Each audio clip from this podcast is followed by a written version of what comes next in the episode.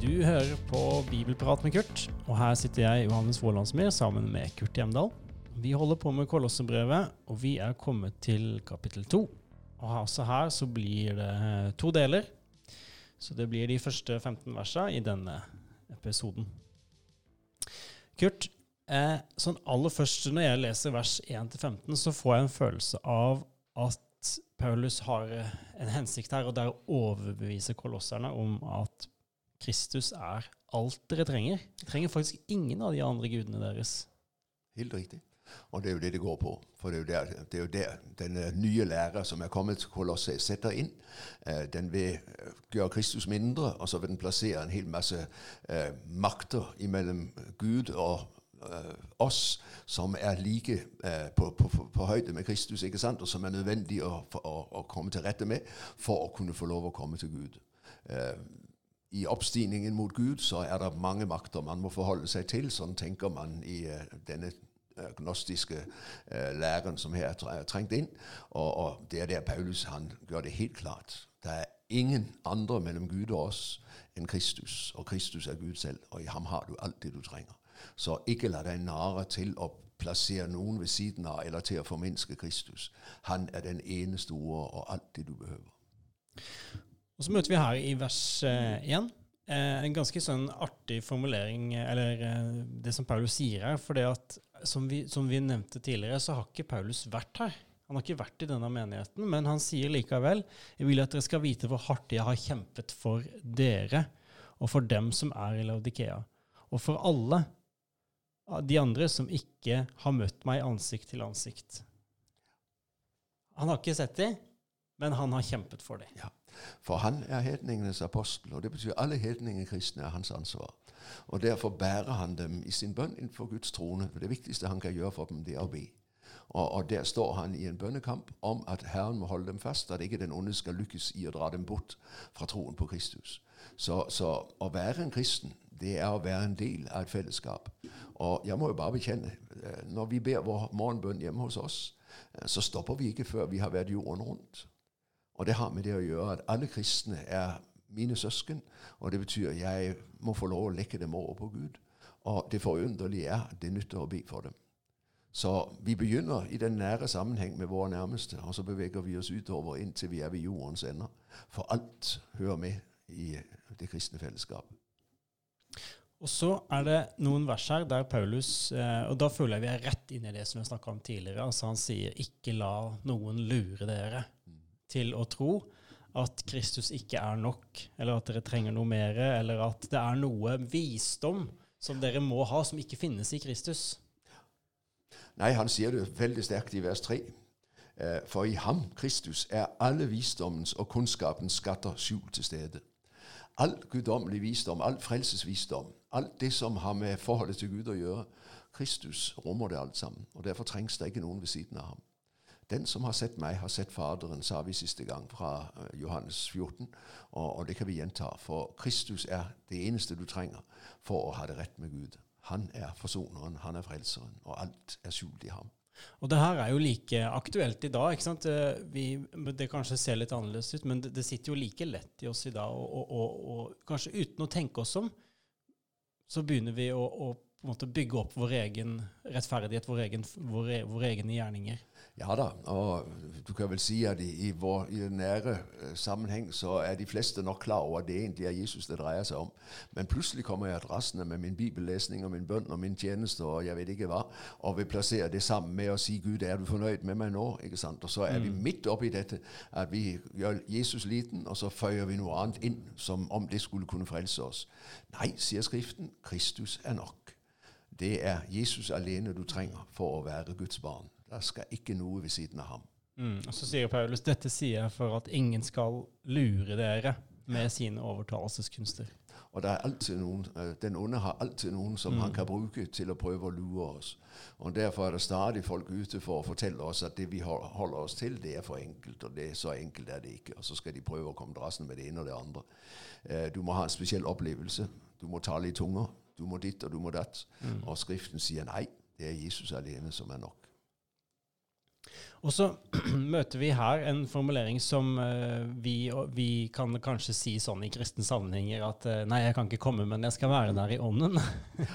og det er jo det Paulus sier her. For selv om jeg ikke er hos dere med kroppen, er jeg hos dere i ånden. Og jeg er glad for å se at den orden som rår hos dere, og, og den fastsetter revisere viser i troen på Kristus Jeg, jeg prøvde sjøl også å sjekke ut hva er det egentlig Var det en vanlig måte å snakke på på den tida? Eh, jeg skal være hos dere i ånden. Og det, det, lille jeg fant ut at det det egentlig betyr, er bare at jeg skal tenke, jeg skal ha dere i tankene. Jeg, jeg, ber, jeg ber, for det. Ja. Jeg er til stede hos dere. ikke sant? Mm. Så, så, og det er jo det forunderlige. Fordi Kristus er en, og fordi Kristi legeme er ett, eh, så er jeg i dette øyeblikk knyttet til alle kristne, enten de bor i Kina, mm. i Sør-Afrika eller i Bolivia. For vi er ett i Kristus. Det er ingen avstand. Det er fysisk avstand, men åndelig sett så hører vi sammen. Og Det er jo det utrolige som kommer til uttrykk når vi ber for hverandre i kristne menigheter. ikke sant? Eh, ja, fysisk er vi langt fra hverandre, men vi er ett i Kristus. Og Derfor kan vi bety noe for hverandre, mm. selv om vi ikke er fysisk sammen. Så Paulus han har i nå noen vers her prøvd å overbevise dem om at uh, absolutt alt dere trenger, har dere i Kristus. Det er ikke noe, måte, utenfor, noe som er utenfor Kristus som, som, som, dere trenger, men alt er i Kristus. Og så går han over til et nytt avsnitt der, sånn som jeg uh, ser det, Kurt, der handler han mer til å peke på hva de har i Kristus. Og det er helt riktig, fordi det er helt klart, han er ikke bare opptatt av å advare dem mot dem som vil uh, føre dem bort fra Kristus, men han er jo fremfor alt opptatt av å formidle igjen, så det fornyes for dem hvem Kristus er, og hva han betyr. Og Derfor så får du et vidunderlig avsnitt her fra vers 6 og ut til vers 15, hvor han viser oss hvor stor Kristus er, og hva det er vi eier i Kristus. Mm. Så, så, her er vi virkelig midt i sentrum av evangeliet. Mm. Vi stopper opp med dette første som han sier. Dere har tatt imot Jesus Kristus som Herre. Og det som vi ofte kanskje kan glemme i våre sammenhenger, for vi sier det så ofte, Jesus Kristus Herre, men det her var jo en bekjennelse i seg sjøl å si Jesus Kristus er Herre. Paulus skriver det i 1. Korinterbrev 12. Ingen kan si Jesus Kristus er Herre uten i Den hellige ånd.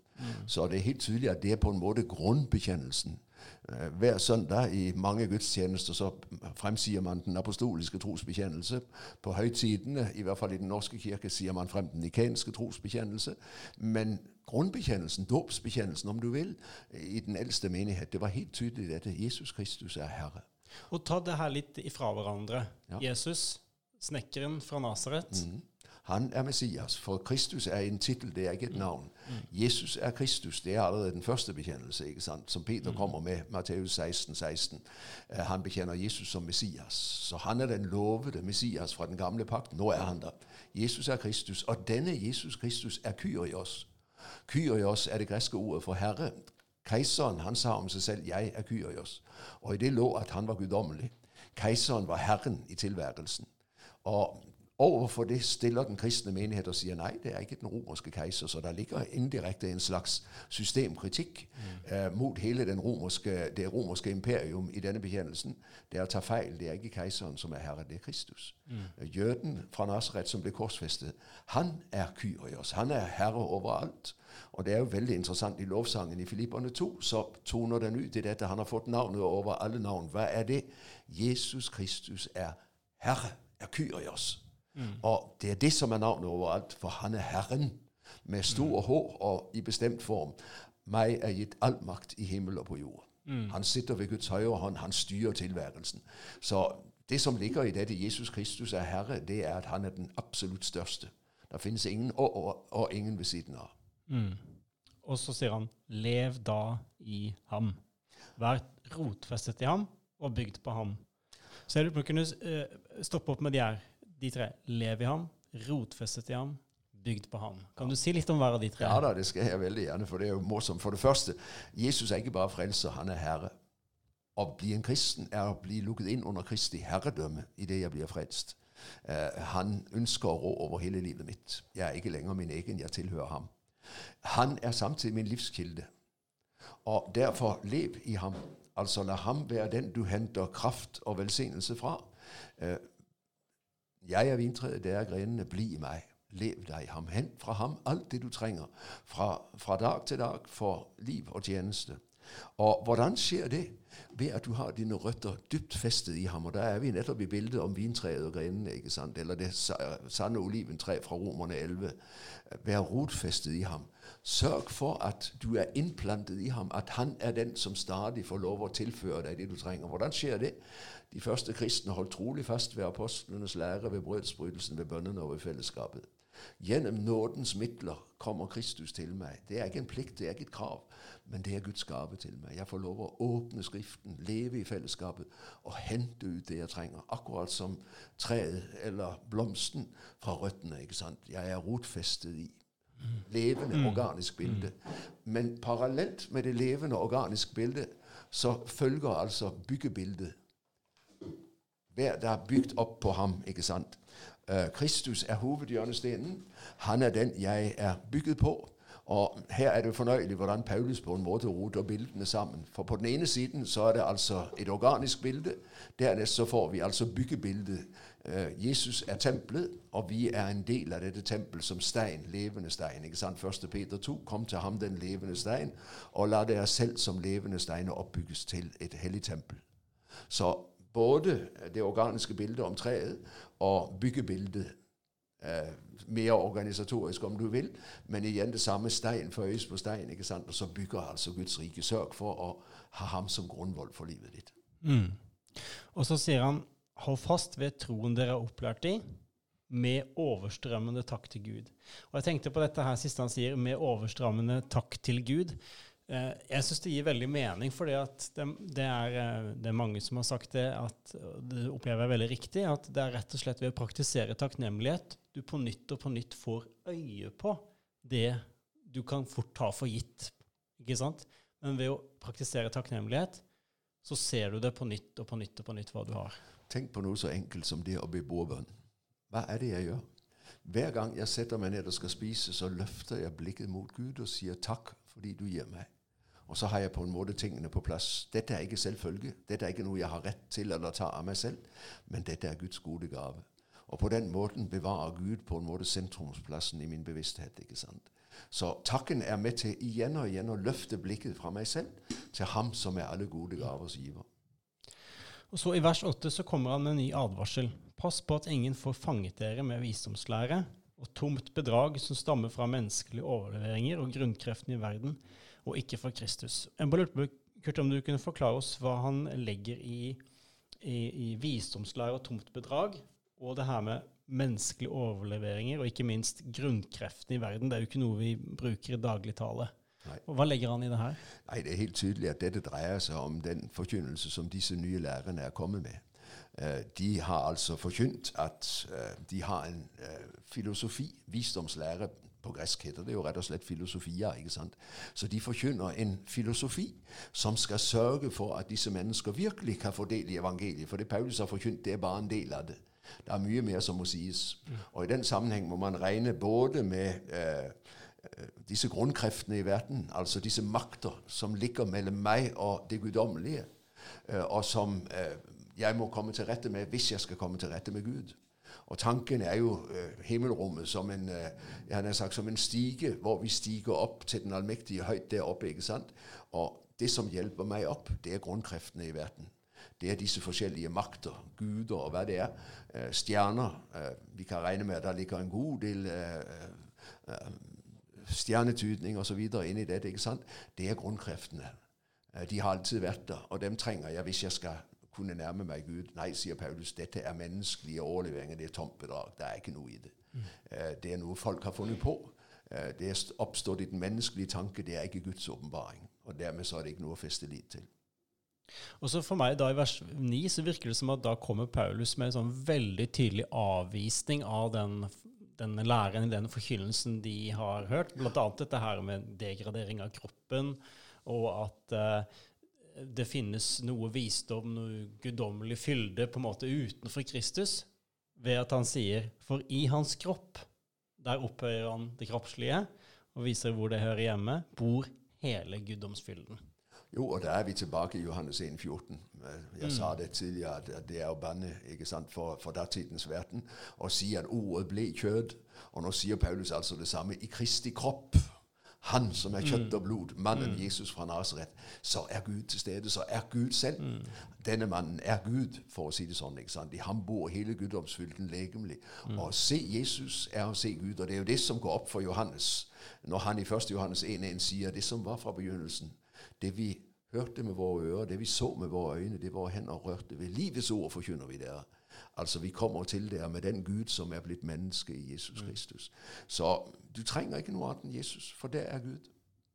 Og i ham, som er hodet for alle makter og åndskrefter, har dere fått denne fylden. Ja, så derfor- igjen så strekker han under det samme poenget. Helt klart. Og derfor sier han til dem, ikke hør på disse som kommer med dette nye. Maktene og kreftene, de er skapt av Kristus. Det fins ikke noe i tilværelsen som ikke han har skapt. Og derfor, alt det som de snakker om, det er mye, mye mindre enn Kristus. Det er skapt, det er ikke fra evighet av. Og ikke bry dere. Dere trenger ikke dette. I ham har dere del i denne fylde, i guddomsfylden. Så i Kristus har du hele frelsen, hele Guds nærhet, hele Guds velsignelse. Og derfor å være fylt i ham, eller ha del i denne fylden i ham, det er alt det du trenger til. Et øyeblikk, stopp, stopp. Tenk deg godt om. Tilbe litt. Tenk på det at jeg er lukket inn i Kristus og har del i guddommens fylde. Det er jo en ufattelig tanke. Et lite menneske av kjøtt og blod som snart skal legges i grav. Men jeg er altså lukket inn i Gud selv. Og jeg har samfunn med den evige, levende Gud som bærer alt. Og jeg har del i hans liv og i hans kraft. Jesus sa det ved Lasarus' grav. Jeg er oppstandelsen og livet. Den som tror på meg, skal leve om han enn dør. Den som lever og tror på meg, skal aldri i evighet dø. Forunderlig at lille menneske jeg har fått del i et liv som ikke kan dø. Den dagen jeg dør fysisk, så lever jeg i beste velgående. Jeg er i Kristus. For jeg har del i Hans evige guddomsfylde.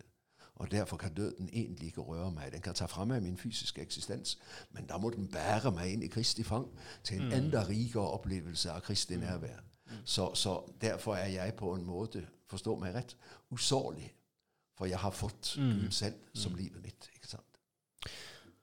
Og så eh, skifter Paulus litt fra det her eh, det han sier der, i de første versene av denne avsnittet, og så går han over til å snakke om dåpen og omskjærelse.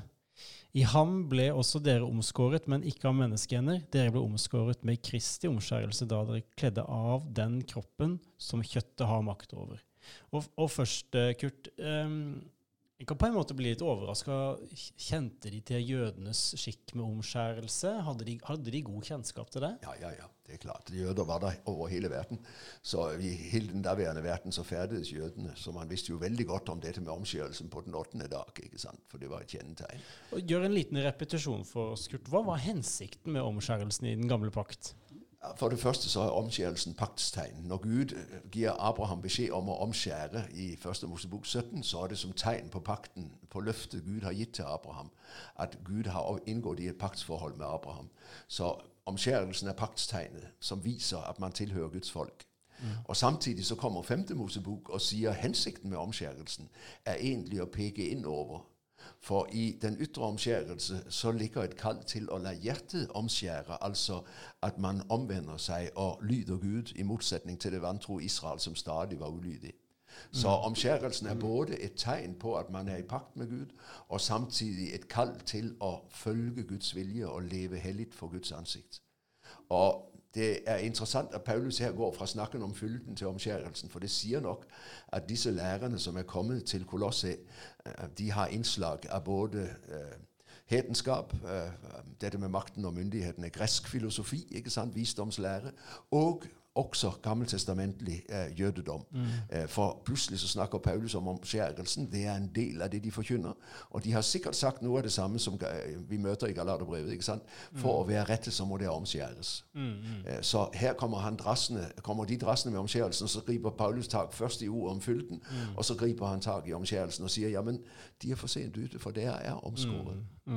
Ikke på kroppen, sånn som i den gamle pakt, men på den måten at dere har fått den nye pakts omskjærelse, som nemlig er dåpen. For i den nye pakt er paktstegnet ikke lenger at mennene får skåret av forhuden på penis, men i den nye pakt er alle kalt inn i pakt med Gud gjennom den hellige dåp. Mm. Og så sier Paulus rett ut at dåpen det er den nye pakts omskjærelse. Og i en liten parentes så er det jo veldig interessant i diskusjonen mellom, uh, mellom kirkesamfunnene om voksendåp og barnedåp. Når ble jødene omskåret? På den åttende dag. Og så sier Paulus den nye pakts omskjærelse, det er dåpen. Uh, det gir en kraftig begrunnelse for barnedåp. For alle ble tatt inn i paktsforholdet fra de var små. Og mm. det er det som skjer når vi døper de små. Og så sier han at uh, dette her skjedde når uh, når, når, dere ble avkledd fra den, eller den, den, kroppen som kjøttet hadde makt over, ble avkledd, eller kledd av dere. Eh, forklar hva han mener med altså Det er litt sånn vanskelig å forstå eh, kroppen som kjøttet hadde makt over. Det, sånn, det stokker seg litt i hodet der. I så bruker han litt andre uttrykk. Han taler om dette med det gamle mennesket. Ja. Og det er jo det det dreier seg om. Og vi skal se det over i kapittel 3, for da vender han tilbake til disse uttrykkene. Eh, kroppen eh, som synden hadde makt, eh, som kjøttet har makten over, det er den syndige menneskenatur. Mm. I meg selv er jeg syndig menneskenatur. Både ånd, sjel og legeme står Gud imot. Det er hele meg som er synder. Og hele meg må dø om et nytt menneske skal oppstå. Og derfor så I dåpen så druknes jeg med Kristus, det gamle går under. Og så reises jeg opp med Kristus, et nytt menneske oppstår. Vi blir født på ny. Det er meg som dør, det er meg som oppstår. Men nå er jeg ny i Kristus, og derfor er altså dette brukt for, for det er det gamle mennesket som går under. Kroppen som kjøttet har makten over, det er den syndige natur. ikke sant? Mm.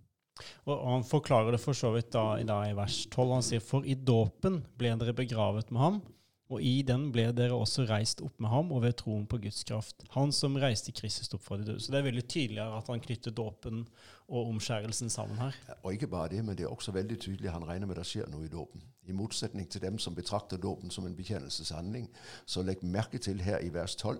I dåpen ble dere begravet. Vi døpte oss ikke, vi ble døpt, vi ble begravet. Det skjedde noe med ble, deg. Ja, og vi ble reist opp ved troen på Guds kraft. Guds kraft er virksom i dåpen, sier Paulus her i uh, Kolossene 2. Uh, det er ikke bare meg som døper meg for å bekjenne Kristus, men Gud er der og møter meg. og Derfor tror vi jo som uh, i en luthersk kirkesammenheng at dåpen er et nådemiddel. Den er ikke en bekjennelseshandling. Det er det sted hvor Gud handler med meg og rekker meg Kristus. Og Derfor er dåpen inngangsriten til kristenlivet.